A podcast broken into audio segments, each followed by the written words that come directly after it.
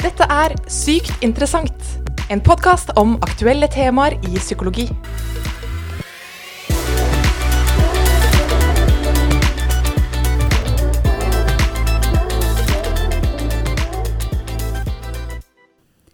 Hvorfor er det sånn at vi mennesker takler kriser, katastrofer og vanskelige hendelser så ulikt? Tenk deg at to personer opplever den samme alvorlige hendelsen, hvor begge blir like sterkt prega, men den ene av dem klarer etter hvert å komme seg videre og gå videre i livet, mens den andre ikke klarer det. Nettopp det her skal vi prøve å få litt mer tak i i dagens episode av Sykt interessant. Mitt navn det er Silje Berg, og til å forstå og lære litt mer om nettopp dette, så har jeg invitert eh, tilbake kollega og psykolog Elisabeth Reinertsen igjen. Hei og velkommen, Elisabeth. Tusen takk. Hyggelig å ha deg tilbake. Du, det er hyggelig å være her. Ja, så bra. Før vi går i gang med dette temaet i dag, så kjører vi gjennom en liten fast spalte som vanlig. Er du klar? Jeg er klar. Hva innen psykologi driver du på med, Elisabeth? Jeg er utdannet psykolog, så det betyr at jeg holder på med terapi. Og så er jeg også høyskolelektor her på høyskolen, så jeg underviser også i psykologi. Hva ville du ikke klart deg uten? Ja, sist jeg var her, så svarte jeg jo veldig sånn eh, emosjonelt med mann og barn, og de, eh, det gjelder jo fortsatt. Men uh, i dag så skal jeg ta noe mer praktisk, og det er elsykkelen min. Den hadde jeg ikke klart meg uten akkurat nå. Nei, den suser du godt videre på. Og så det siste spørsmålet som omhandler litt temaet i dag. Da tenkte jeg egentlig jeg bare skulle spørre deg om, om rett og slett den prosessen som vi skal høre om i dag. Hvorfor tenker du at det kan være litt greit å kjenne litt til nettopp dette? Altså, Jeg vet ikke om jeg eh, tenker at det er så viktig at alle vet om det her, men eh, det er veldig mange som syns det er spennende. Og psykologisk sett så er det jo veldig interessant hvorfor noen klarer seg bedre etter en krise enn det andre gjør. Og så kommer vi litt inn på det, hvorfor det kan være fint å kjenne til det også. Men eh, kanskje utgangspunktet skal være at det er eh, først og fremst interessant å vite noe om. Mm, sykt interessant. Jeg gleder meg til å høre Elisabeth.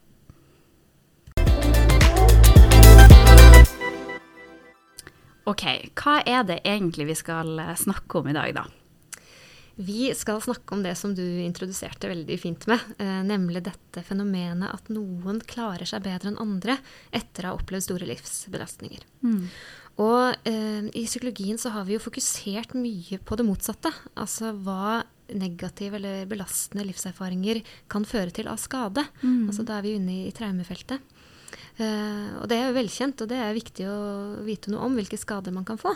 Men så er det også fint å høre disse faktorene og den forskningen som viser at det også går an å klare seg godt eller fungere normalt på tross av å ha blitt utsatt for alvorlige eller belastende hendelser. Så det skal vi snakke om i dag. Og eh, de fleste av oss kjenner jo til sånne historier. Altså Enten man eh, kjenner noen som har opplevd noe forferdelig, men likevel klarer seg godt, eh, eller man har hørt om det i litteratur eller på TV eller hva som helst. Så for de fleste så er dette litt sånn intuitivt, at det selvfølgelig ikke er noe automatikk i at man får psykologisk skade av belastning. Men i dag så skal vi også se litt på forskningen, for dette er det gjort masse forskning på. Mm. Og det her har kanskje et eh, eget navn? Ja, det må nesten ha et eget navn for å forskes på. Uh, og i psykologien så kaller vi dette for resiliens. Mm. Så det er sikkert et begrep som, uh, som noen av de som lytter også har vært borti. Mm. Ja, resiliens, si litt mer om, om selve ordet. Eller, ja. Ja, det er egentlig veldig fint å begynne akkurat der, si litt om ordet. fordi direkte oversatt så betyr uh, resiliens elastisitet eller spenst. Og det er egentlig ganske beskrivende, for man kan jo se for seg da at eh, et objekt får seg en trøkk mm. og blir på en måte prega og forma av det en stund, men så bouncer det tilbake, eller kommer tilbake til sin opprinnelige form etter en stund.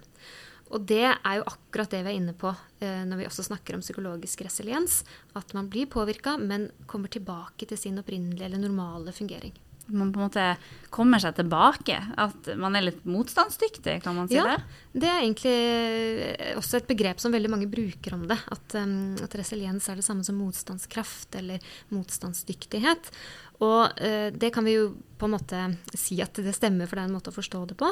Samtidig som eh, vi ikke må tenke at det betyr at de ikke blir påvirka. Mm. Fordi at uh, resiliens betyr ikke at man ikke legger merke til hva som foregår. Det måler heller at du fungerer godt, uh, eller tilstrekkelig godt, eller som normalt etter en påkjenning. Mm. Så det er en liten sånn nyansering av akkurat det begrepet. Men det brukes mye i litteraturen, altså motstandskraft. Ja, men mer en sånn elastitet, spenst. Ja, jeg liker Mm. bedre den, den måten å se det på. At man blir påvirka, men kommer tilbake. Mm.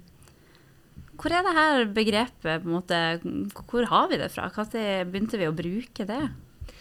Egentlig så er det et ganske nytt begrep, sånn eh, relativt sett i hvert fall. Det dukka opp i psykologien på 70-tallet.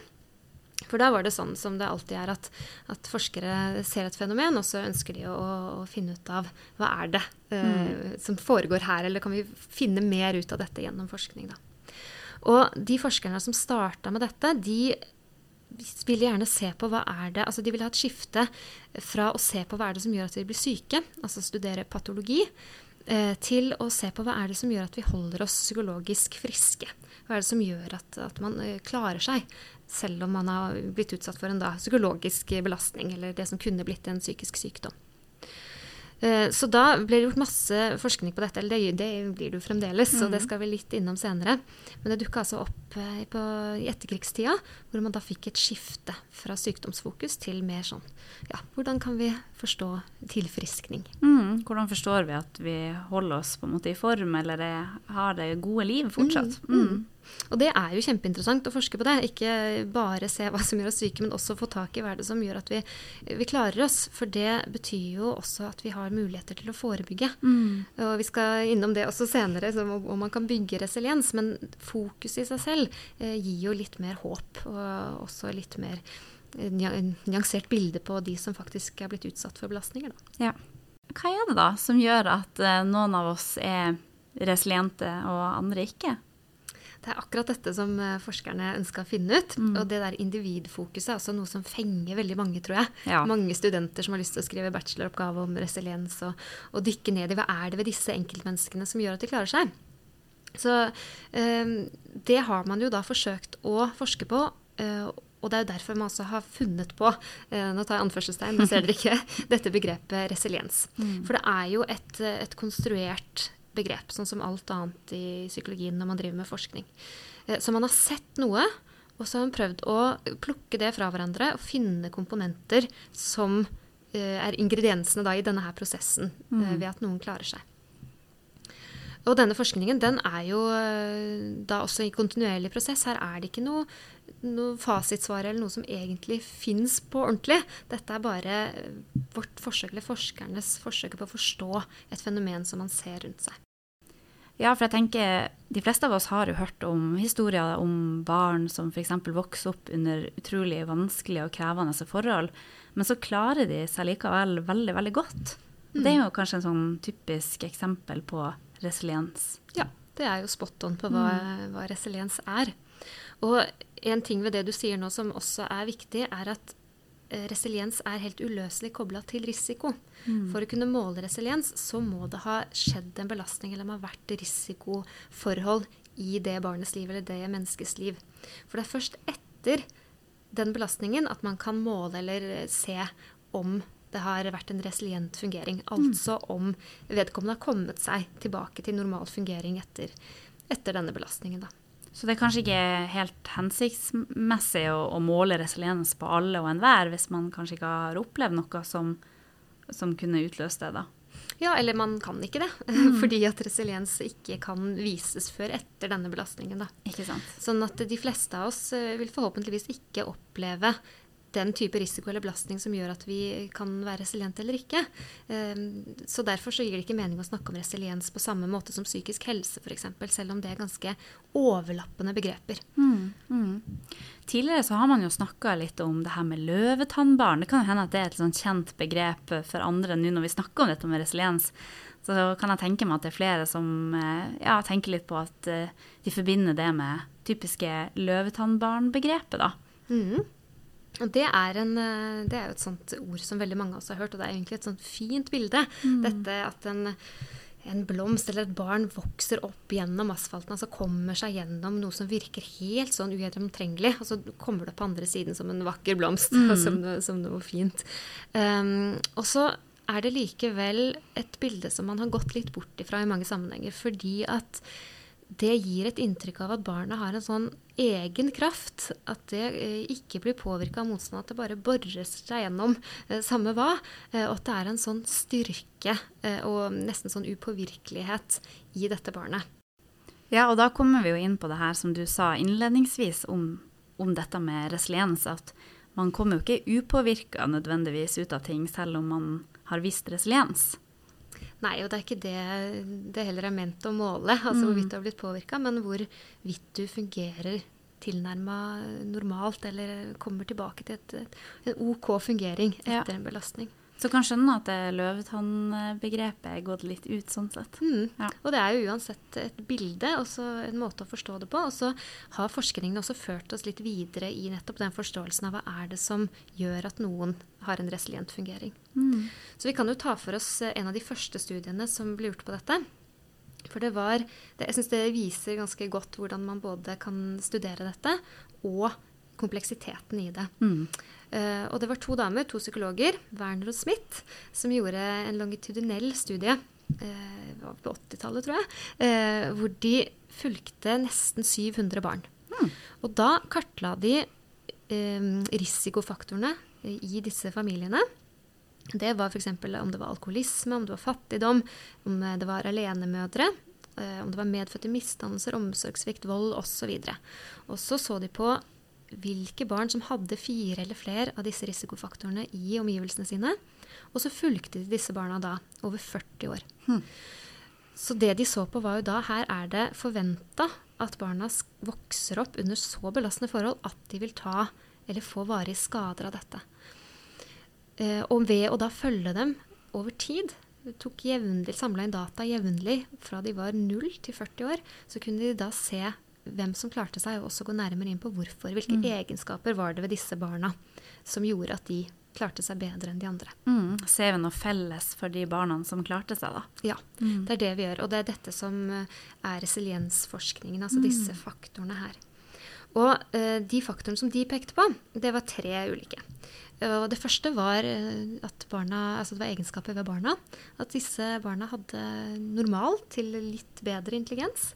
De var født med personlige egenskaper som gjorde at de var blide og sjarmerende, hadde godt temperament.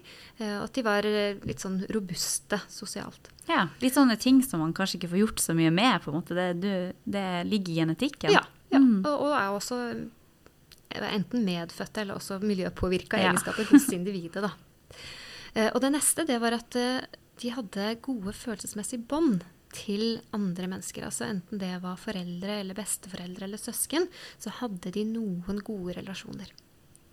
Og det siste det var at de hadde tilgang til et ytre støtteapparat. Altså det var eh, faktorer i miljøet rundt dem. At det var gode relasjoner til f.eks. skole, til andre grupper med barn eller ungdomsgrupper, eller f.eks. en kirke. Mm. Så det var også eh, faktorer ved det litt større miljøet rundt barnet.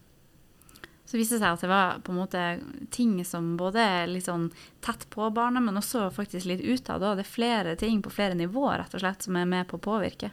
Ja, og det tenker jeg jo at det ikke er så veldig overraskende for, for, oss som holder på med psykologi. Så er det jo alltid sånn at her er det mm. masse uh, ulike faktorer som påvirker hverandre, og ting er som regel veldig komplekst. Og så har man likevel i forskningen da klart å koke det ned til at det er noen fellesfaktorer, og så blir det da til slutt samspillet mellom alt dette. Mm. Og tradisjonelt så deler man inn disse resiliensfaktorene på ganske lik måte som det Werner og Smith gjorde i sin studie. Så for å gå gjennom det igjen, disse tre inndelingene, så deler man det gjerne opp i egenskaper ved barnet.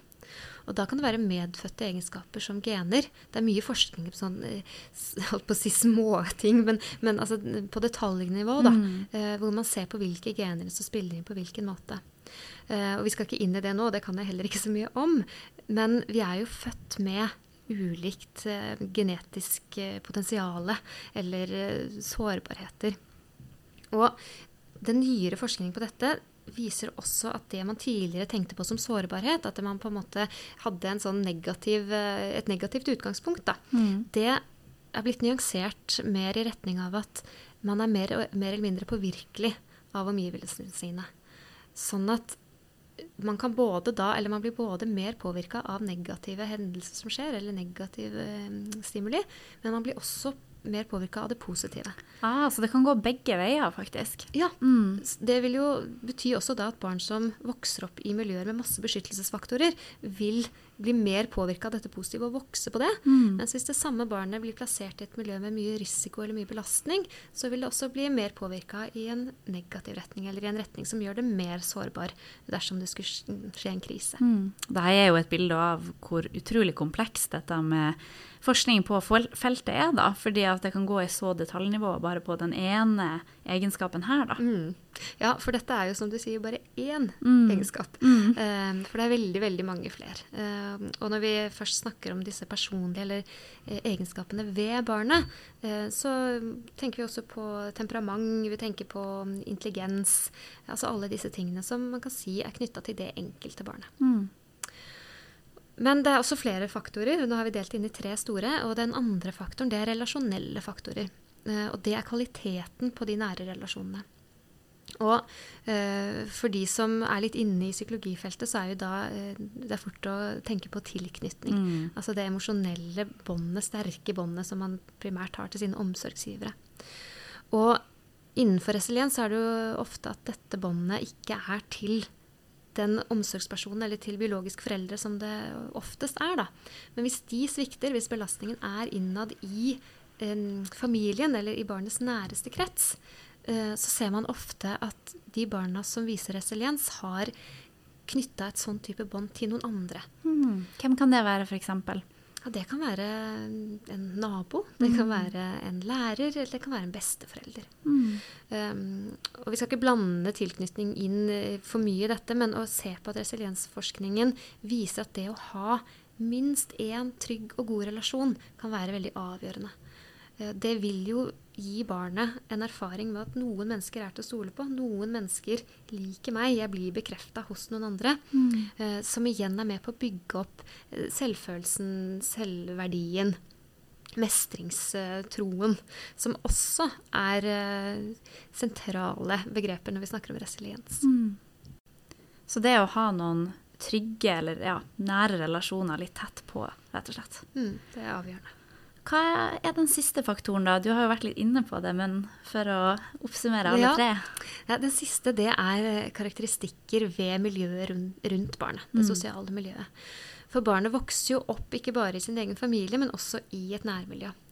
Og det miljøet kan jo enten være prega av ytterligere belastning, altså hvis det er mye fattigdom, kriminalitet, lav sosioøkonomisk status osv., så, videre, så vil det også påvirke barnet.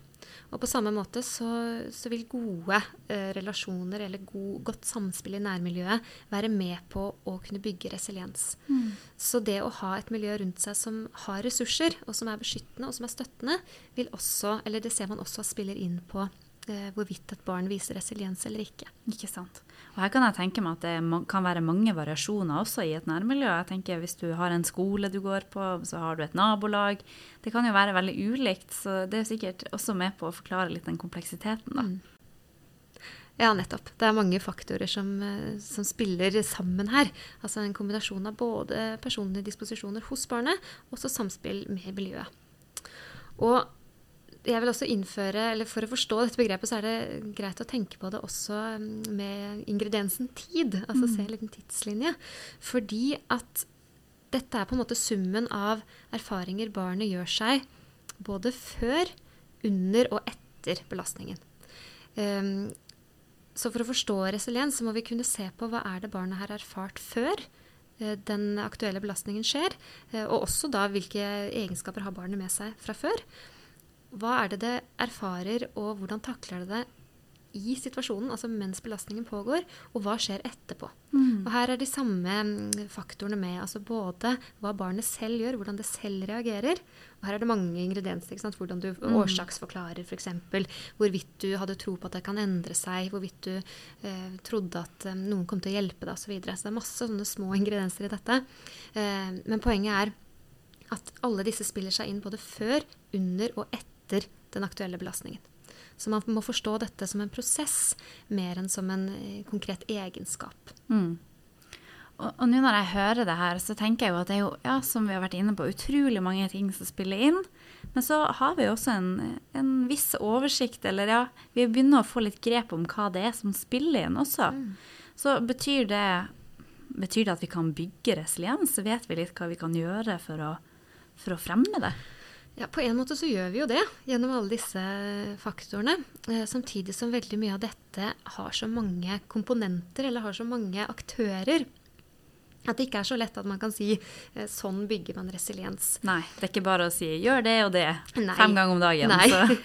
Eh, og eh, jeg sånn rent personlig og faglig tenker også at det er litt skummelt å gå inn i et sånt spor hvor man selv er ansvarlig for sin egen resiliens, mm. eller egen Altså man skal ta ansvar for å fungere godt også hvis man blir utsatt for noe forferdelig eller for en belastning. Så ja, vi vet hvordan vi kan forebygge på gruppenivå. Og dette er jo det samme som vi vet om, om, psykisk helse generelt. At det å ha gode relasjoner, det å ha gode nærmiljøer, det å ha eh, systemer rundt seg som fungerer, det vil fungere som eh, beskyttelse. Både mot eh, psykisk lidelse som ikke handler om en konkret belastning, eller der vi begynner å snakke om resiliens, men også i møte med kriser, eller mm. ja, der mm. hvor vi er inne på mer sånn resilient fungering, da. Ja. Så vi, på en måte så har vi mulighet til å forebygge, men på en annen side så må vi passe på å ikke gjøre det til enda en ting som vi skal liksom få til alene. For det, det går ikke an. Man er avhengig av andre. Ja, ikke sant. Er nettopp det du har vært inne på, at mange av disse faktorene er jo litt utenfor vår egen kontroll òg, faktisk. Mm. Så det, det, tror jeg er litt viktig å understreke. Mm. Men hvis vi skal runde det hele litt av da, Elisabeth, så har jeg lyst til å liksom bare se litt tilbake på det spørsmålet som jeg stilte helt sånn i starten. Hvorfor det kan være greit å kjenne litt til dette med resiliens, nå når vi har fått, fått litt kjennskap til det. Ja, eh, når, nå som vi har snakka om det, så, så, tenker jeg at jo, det er jo egentlig det er fint å vite om. Det er fint å mm. vite om både det at det går an å, å komme seg etter en krise, at det er verken din egen fortjeneste eller skyld uh, om du kommer deg gjennom eller ikke. Altså mm. At det er et komplekst fenomen.